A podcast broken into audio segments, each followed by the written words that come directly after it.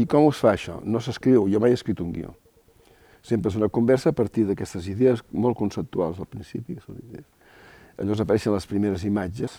Vaig respectar molt les idees literàries que a mi, a mi funcionaven, perquè sempre un realitzador, quan eh, es planteja col·laboradors, sempre ha d'anar tot a favor teu, perquè al final, quan tu fas la pel·lícula, doncs la fas. No? Fons. Obres de la col·lecció MACBA explicades pels artistes. Pere Portabella. El primer que he fet des, del, des de que vaig, vaig fer ja com a, com a realitzador és no anar a buscar cap guionista de cinema perquè em portaria un esquema, que és l'esquema clàssic de narratiu, en el que el 99% de les pel·lícules que es fan des de que va néixer pues, són la forma aristotèlica clàssica, que és la, la, perfecta, que en deia l'Aristòteles. No? Jo sempre dic que començo amb una pàgina en blanc i a partir d'aquí la primera idea és una teca que es col·loca i creix per un vol. I, i això és un diàleg que hi ha entre, entre en aquest cas, un poeta que era Brossa i jo. No? I amb el compromís de que realment l'estructura no tenia que tenir cap relació una seqüència amb l'altra causa-efecte, aquesta és la primera qüestió, i en aquest sentit la, les articulacions entre elles tenien que venir per compulsions poètiques, per relacions, etc. No? I aleshores el que vaig fer és buscar, en aquest cas, el poeta Brossa, vaig buscar un poeta. I per què el Brossa? Perquè jo, el grup El Tau al Set ja el coneixia, jo venia de, de, de, de fer la producció a Madrid, això era als anys 60, i en aquest cas, quan vaig trobar aquí, esclar, el poeta ideal el que jo coneixia, vinculat, i que també ell, ja partia de la base, en aquest cas, de que les noves narratives pertanyen a una, una transgressió de les anteriors i buscar nous codis. No? Aquestes, mai se'm va ocórrer demanar-li en, el, en el Brossa que jo faria una pel·lícula sobre un guió d'ell, mai. De abajo, no. Animado. De arriba, sí. Lento. De abajo, no. Y cuando se apague el proyector no quedará más que el lienzo blanco. El Santos apareix més tard, o sigui, l'entremig hi ha el mestre Esquadreny, que va fer senzillament, quan vaig tenir acabada la pel·lícula del, que van fer la primera, el No conteu amb els dits, i després la segona, el llargmetratge, que és el Nocturn, el, el, van buscar un músic, en aquest cas, que dintre de l'art contemporani estigués ja en la línia del de atonalitats, eh, de decafòniques, de coneixia tot això. No?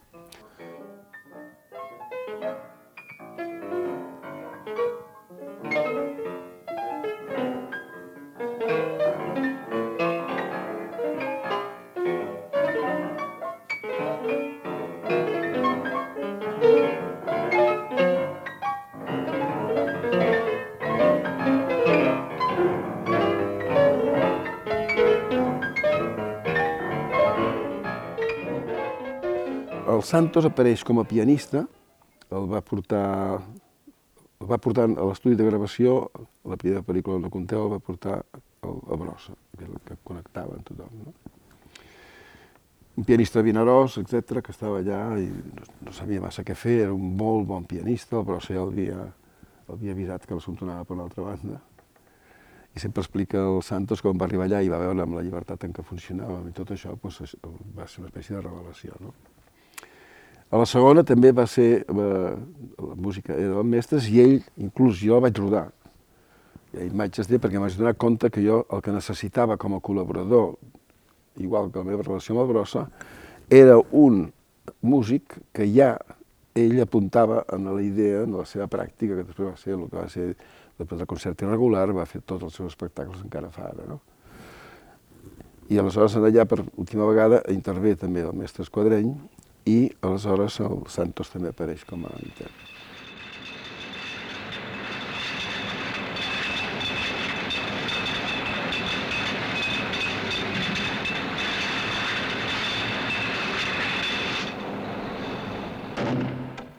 La història nostra, les nostres pel·lícules han passat per garatjos, per cineclubs, per cases particulars, per sales de cine, per festivals fora del país.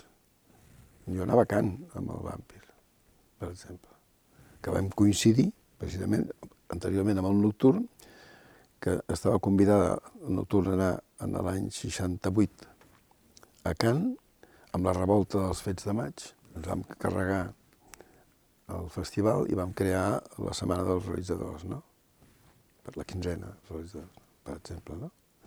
O sigui que hem anat d'ocupes i hem anat a...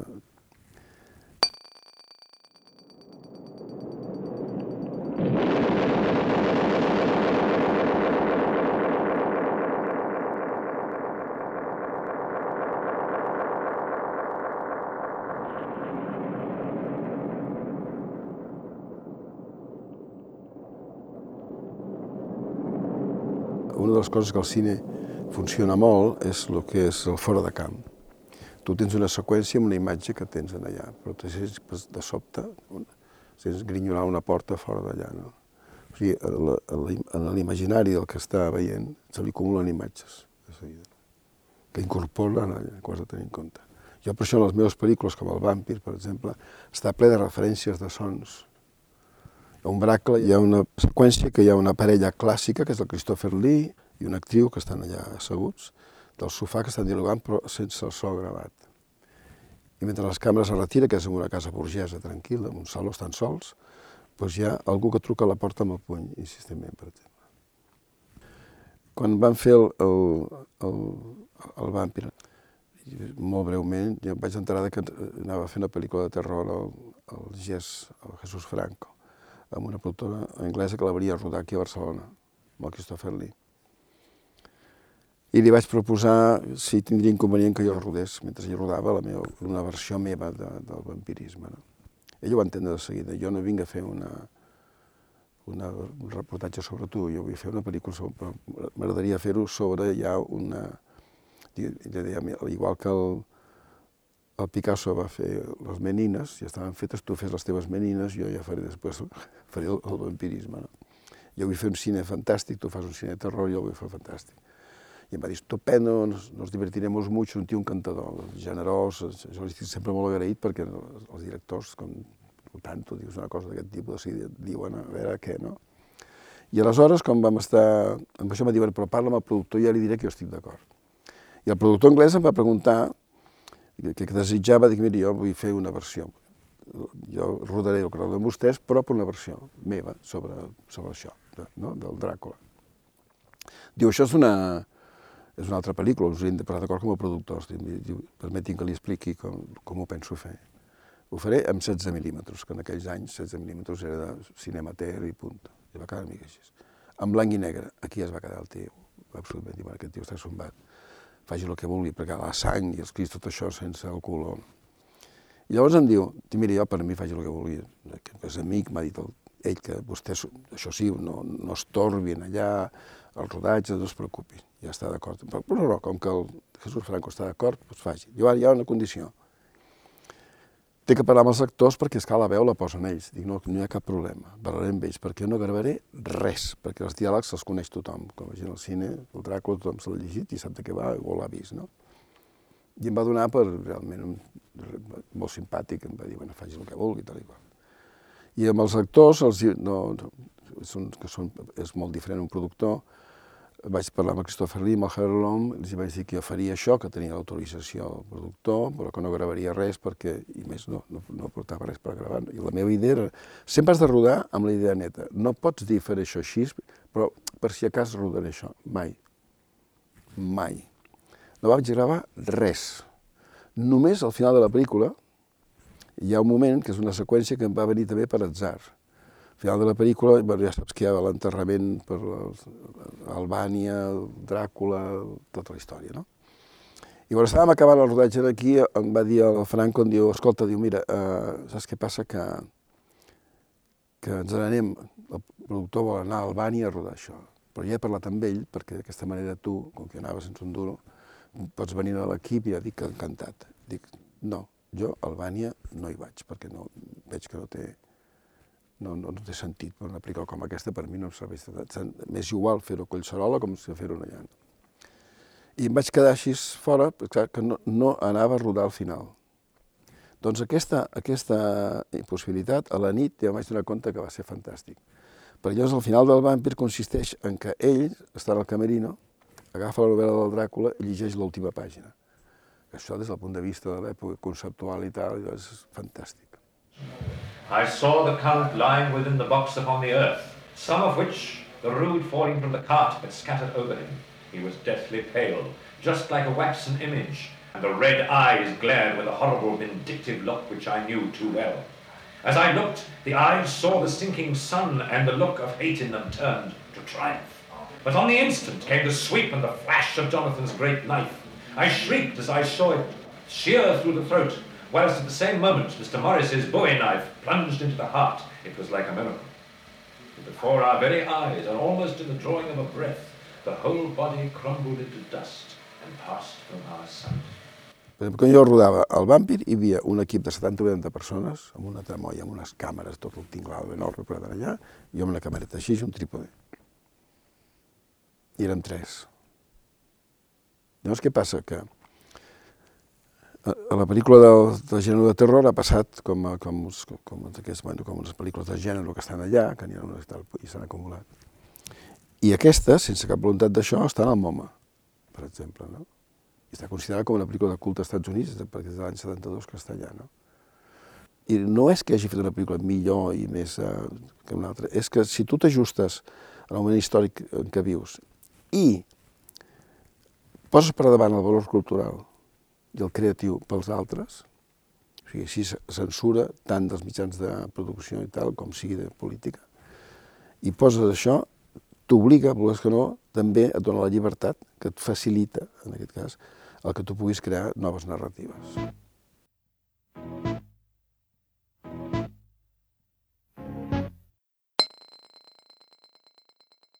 Ese es su objetivo. Quieren que nos olvidemos de todo, quieren que nos apartemos de todo. Ese es su objetivo. Un policía, un policía seguramente el mejor de los que yo he conocido, porque desde el punto de vista de la brigada social era el más eficaz, el que más profundizaba, lo que pretendía de nosotros era despolitizarnos, era rompernos, no solamente eh, arrancarnos una confesión, no solamente arrancarnos una declaración, no solamente arrancarnos una acusación contra otros compañeros y contra el aparato, contra la organización. Lo que quería era que nosotros nos rindiéramos, nos entregáramos. Eso es lo que quería. Però ja en els, del 76 al 74 hi havia rodat el sopar, també tancat amb una masia, amb cinc presos polítics que havien complert, complert eh, junts, 50 anys de presó n'hi havia uns que ell sol 22 anys havia complert. Hi ha un moment que diu, tot això rodat també en travelings, tancats a dins, amb els meus amics de comissions que estaven al cine, vam entrar al material uns dies abans i vam estar tancats allà dins per rodar. No? Hi ha una frase d'ell, un moment donat, que, el més gran, que parlen sobre res d'aventures personals, sobre quins són els problemes d'estar a la presó, els més immediats. I, i diu, diu, jo, quan em van agafar a la presó, a la, la meva filla la vaig conèixer estant a la presó. I a la filla de la meva filla la vaig conèixer encara estant a la presó. La proposta d'aquest film és un intent d'aproximació a la problemàtica específica del pres polític. Aquesta trobada d'expresos polítics va tindre lloc a l'any 1974 en Catalunya. A l'elaboració del film van intervindre tots els participants, tant el que fa respecte a la temàtica com a la mateixa estratègia d'abordar aquest caràcter específic del subjecte sotmès a la pèrdua de llibertat. Per raons òbvies, no es poden donar noms concrets de persones tant en relació a l'equip tècnic com a els mateixos protagonistes del film. És un impacte, no? i tot va per aquí, no? Doncs que tot això, el, quan arribo allà, el que faig, la meva experiència personal, m'ha obrir les portes, i a més jo tenia, i aquesta pregunta única va ser fantàstica, perquè era preguntar que si el partit, que si tal i qual, no? Com, perquè era el tema essencial, com ho fem per fer el trànsit. Hi havia jo també estava ficat en polèmica sobre aquestes perquè hi havia molta discussió. Hi havia la ruptura i el que era, en tot cas, doncs, bueno, les reformes, que és la que s'ha fet. No? I era rupturista radical. I, en canvi, anàvem de cara a la reforma, això està claríssim. I en aquells anys, mentre rodava això, en el, en aquí en el Palau dels Esports, l'antic, aquell que hi ha a Montjuïc, saps? Que hi ha una ple a rebassar allà dins. Vaig fer un míting rupturista, dient que el Juan Carlos era un títere, que era un tio que duraria quatre dies, i amb els crits de llibertat, amnistia i estatut d'autonomia, tots cridant allà com, com ferotges. Això era el 76. Hauria ser el novembre. Tots il·legals. L'any següent, al juny, jo era senador. I me n'anava i em ficava a la cova del llop, pues, pues, Senat i al Congrés. I a l'octubre entrava amb el cotxe amb el president de la Generalitat. Això és collonut, això. En, en menys d'un any. Cosa que anien per semblants, perquè no podíem preveure aquesta velocitat de creuer, però és que ni de lluny. Eh? Però tot això, en forma general, és molt, té l'interès perquè, és clar, és molt proper, com que era jo, en aquella època no, la televisió encara no, ni, ni de lluny pogué fer això, perquè encara no estàvem en llibertat. Però era un d'ells que feia això, no?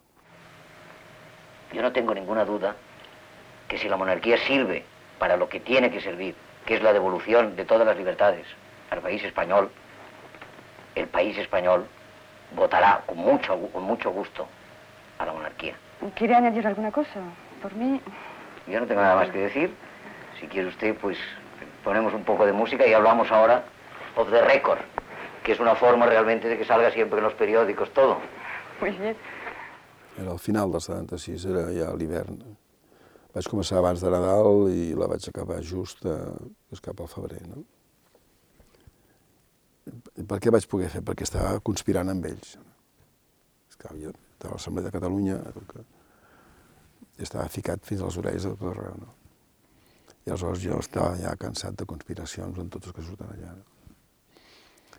I llavors se'm va córrer fer una crònica, no? Dir, bueno, com que això ja, ja veiem, el, el Franco havia mort el 75, ja hi havia el Suárez i es parlava ja de la possibilitat de que anéssim l'any següent pues, amb unes eleccions que encara no se sabia que serien constituents i de lluny, però hi havia, tots, tots encara tots eren il·legals, perquè la legalització del Partit Socialista va ser ja en el febrer del, del 77, no, l'última hora. I el Partit Comunista el dissabte de Glòria, el mateix any. Doncs vaig veure tot això abans i vaig optar per rodar doncs, tot l'espectre de la gent que jo més actiu. Doncs, hi havia des dels extra, que van ser després extraparlamentaris, des dels doncs, des dels, a l'esquerra del PC, vaig veure uns quants també, no? Però hi havia els clavi, el Pujol, doncs, el, el Felipe González, el Tierno Galván, bueno, i tota la patologia. No? Però en vez de ser entrevistes, els posava en grup i al final, després de donar-hi moltes voltes, només feia una pregunta, només una. Que es, el debat era com es passava d'una dictadura a un estat de dret, que encara no havien passat. Doncs hi havia moltes corrents diferents. No? I llavors és un document que s'aguanta també perquè és un moment previ, on tot surt i, i, i té molt interès. Amb tot això trufat de, de seqüències que tenien donen una càrrega. I sempre, sempre es veu que és una pel·lícula, vull dir, no... Inclús el soroll del traveling se sent, tot això vaig deixar que se sentís, no? I això és l'informe, i és un informe general eh, per qüestions d'interès general, com ho deia, per a una projecció eh, temes o qüestions d'interès general. Això és el títol. És molt de l'època, de, si és conceptualista, dient aquí què cony un títol, no? que he posat amb informe general, però el títol original és aquest. I bueno, va ser tot clandestí, rodat tot clandestinament.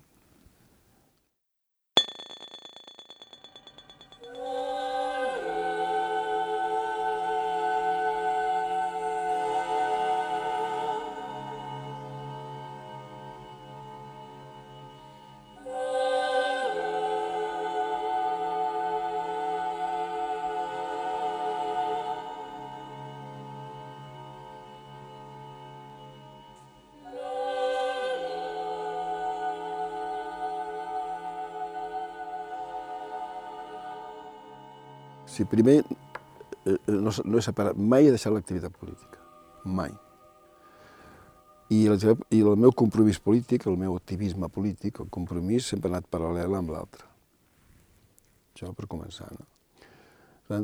Què ha passat? Pues, en l'època anterior les coordenades històriques eren diferents, jo com a d'esquerres estava vinculat amb això, i faig això, l'informe general, com a tancament d'una etapa. No? Llavors, passo una etapa com a senador i diputat, intervenc a la Comissió Constitucional com una, un membre de la comissió, que això és una experiència fantàstica, molt millor que un guió. I aleshores venen el desenvolupament de les lleis orgàniques, desenvolupar la Constitució, que vaig estar cinc o sis legislatures així, no? En aquell moment no vaig rodar res. I el pont de Varsovia és el resultat de que, del canvi i el pas de l'experiència meva política per això. Com que jo porto sempre, sempre contaminat, doncs com faig el pont de Varsovia, no faig ja l'informe general, ni faig el vampir, ni faig això. Però si tu agafes l'estructura d'allà, és que la referència és l'ombracle. El que passa que llavors vaig fer, en aquell moment vaig fer un assalt, però obertament, en les, a el que és el format de producció del cinema convencional. El que se'n diu una pel·lícula ben feta, des del punt de vista industrial. Eh? I els distribuïdors i els realitzadors i tot això, i, i els grans distribuïdors i productors diuen que la pel·lícula està molt ben feta. A mi no m'interessa, però està molt ben feta però sense sortir-me del meu rotllo. I hi ha, hi ha tot un plantejament, hi ha, hi ha aquesta falta, doncs hi ha doncs, el mercat del peix, hi ha el dur d'amor del Tristan, i tot això va funcionant així, tal com. Però per què vaig fer això? Perquè era el context, en aquest cas, en el que començava a haver-hi ja tota una resposta des del punt de vista de lo que era el, el discurs eh, correctament polític. No? Les vanguardies començaven a estar qüestionades ja. Tot això, som molt joves, però hi havia una bronca muntada aquí que ser vanguardista ja era una cosa, bueno, això és una cosa de l'esquerra tradicional, que s'ha anat, no? Aquesta pel·lícula ha funcionat molt bé als Estats Units, però molt bé perquè a Nova York i, bueno, i a Los Angeles i tal. Precisament perquè, i això m'ho han dit alguns realitzadors americans, diu que és una pel·lícula molt ben feta i molt lliure, perquè ells, que són gent formada a les tècniques, o sigui, allà tu t'amarres amb uns còdics, tens molt poca cintura, però has de fer-ho molt ben fet. Llavors et deixen que el realitzador... I la idea de ben fet, de factura ben armada, ben feta, per ells pesa molt més que l'europeu. Aquí hem passat per un tipus de cinema. L'Underground, per exemple, que va ser als Estats Units, es va fer a partir de fer-ho malament. Amb la qual els altres realitzadors van quedar molt tranquils. En aquí no, aquí es va assumir nosaltres això no de fer-ho malament, que a vegades no ens interessava gens, que era una merda, i el que anàvem és a plantejar noves formes narratives i socialitzar, en aquest cas, el mitjà nostre, que era el cinema. No? Per tant, en aquesta, el pas, de, i quan faig, el, bueno, faig el, vaig fer abans algunes coses, però sobretot després el BAC. El BAC, si tu mires, si tu agafes el Vampir, no, per no córrer, i agafes el pont, i agafes aquí, hi ha una continuïtat que si no estigués lligat segurament tant en el context polític com, diguem-ne, en el món artístic, segurament la cosa potser no hagués evolucionat d'aquesta manera tan, tan evident, no?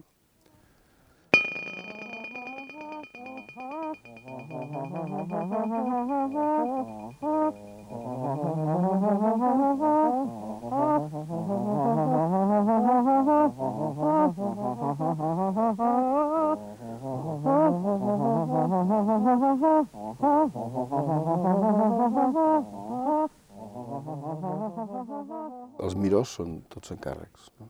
Miro l'altre, no? el del mur.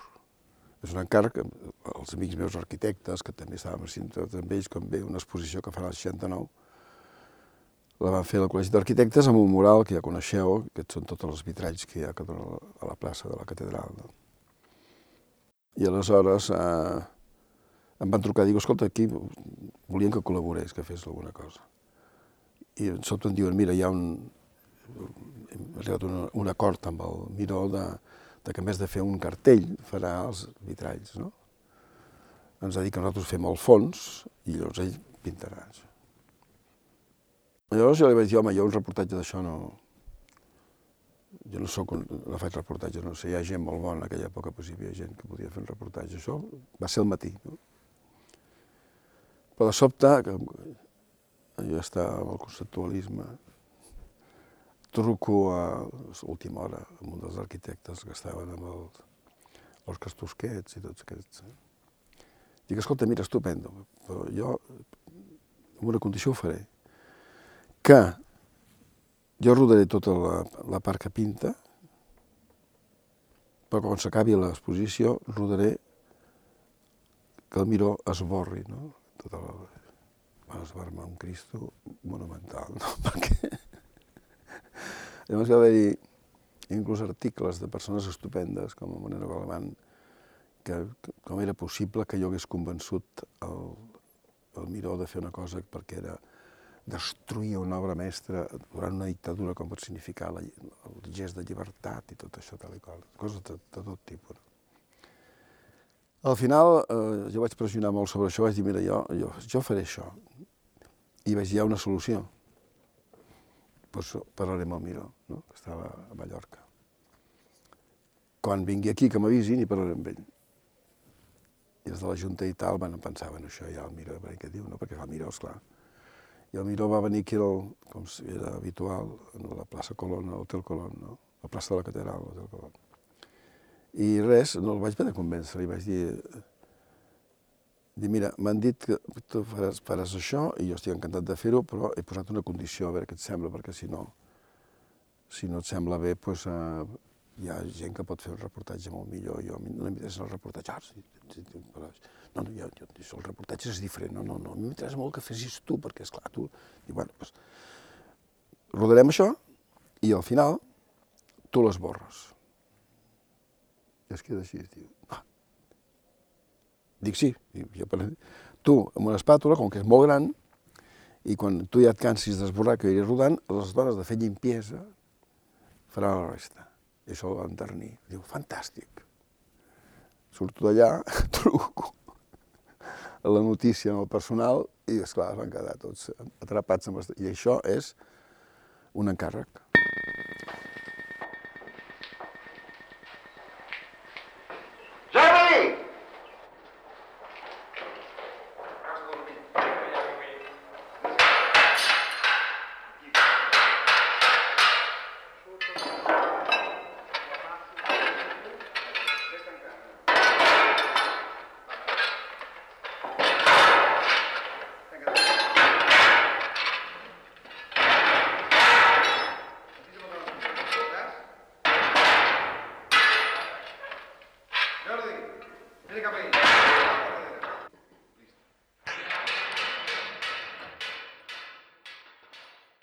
En els Miró de Pis, per exemple, i la Borja, són dos encàrrecs de la Mike, que, que va ser el Miró, que va dir, tu necessites diners, no?, perquè tenia que pagar el vampir i coses d'aquest tipus, perquè no, jo estava penjat fins a les orelles.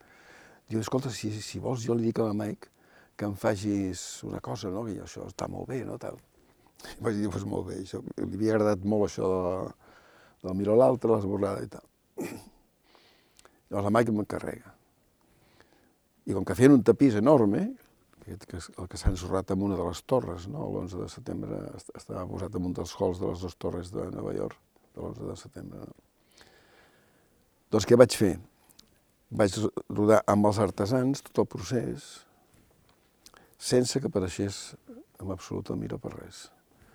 Perquè era l'art fet primer pels artesans, allà la mà era un bosset d'ell, però els que feien tot l'ordit, això, els artesans, i després es, es tractava com una mercaderia. S'embolicava, es ficava en un camió de transport i se n'anava, així se canviava. I la forja vaig fer el mateix amb la forja, carregant els objectes com... En aquella època estava molt amb el valor de canvi, el valor d'ús, no? estava molt amb aquesta discussió ideològica de fons. No? Però jo vaig fer amb tota llibertat, això. I aquestes, aquestes pel·lícules no apareix el Miró per res, cosa que em va dir, va enviar un missatge als Mike, no? De que la pel·lícula li semblaven que meravellosa, allò que fan sempre per dir-te que després que escapa l'error és que no sortia el Miró. Jo dic, home, precisament si alguna gràcia té la pel·lícula o interès és que no surti Miró. Són els artesans, no? Mai ha sigut per mi un encàrrec. Vaig fer una cosa per la Generalitat d'encàrrec, el, quan els Jocs Olimpis, Art a Catalunya, que és una cosa de mitja hora. Mil anys, em van dir, mil anys d'art a Catalunya. I vaig dir que mil anys que hi ha un catàleg no volia fer, també la mateixa història. Hauria de fer una sèrie, tal i qual. Però també a la nit, perquè a les nits és quan, quan les coses passen, no et quedes amb aquesta zona així intermitja, no? I si m'ho deixeu, deixeu explicar en mitja hora, sí, si no, no. Després en mitja hora. I aleshores vaig, vaig fer aquesta cosa de mitja hora, que és, és una sola mirada, una sola mirada que va del romànic fins al Miró, precisament, no? una mica d'homenatge al Miró al final, no? perquè havia fet això amb ell. O sigui, mai m'ha produït... El, he anat a la meva. Per això m'han encarregat tan poques coses, vull dir, no, s'ha de dir que a mi no m'han fet encàrrecs, eh, perquè saben que no, o sigui, un encàrrec és... Eh, si l'encàrrec ve donat per un... Que, que, bueno, que això és legítim, no? Per una versió d'una obra, o per un esquema de productor, que això també és molt legítim, no? Amb unes condicions, tot això, això és un encàrrec, diguem-ne. Però que dir, no, fes amb això sobre aquest tema, no? I fes el que vulguis, això és cine d'autor, ja. Pots dir que el tema no t'interessa, no? Però si tu l'acceptes, el tema, si et funciona a tu, això que se'n diu d'autor, en realitat la paraula autors té, té molts equívocs, no? El que amplia, no? La, etimològicament la paraula autor s'utilitzava el que amplia. El César era un, era un autor perquè ampliava l'imperi, no? Per exemple. Doncs el, aquesta idea d'ampliació està bé perquè l'autor vol dir que com de més de fer una cosa ben feta des del punt de vista artesanal se li atribueix en aquest que és capaç de donar-li el que en diríem ara doncs, un valor afegit, no? que és l'artista. No? Però tots som artesans. I el valor afegit ve donat perquè hi ha aquí aquesta capacitat de sobre donar-li una volta, inclús fer-lo anar més endavant, o, i fer-lo més útil, inclús, és el que et dic. No? El Miró és un bon artesà. Hombre, jo crec que és molt més artista que artesà. Els artesans són nosaltres. Ell és l'artista, el verdader artista. La banda sonora és una incorporació formidable a l'imatge. La idea de que fa millor el cinema mut és, és una tonteria com una casa. No?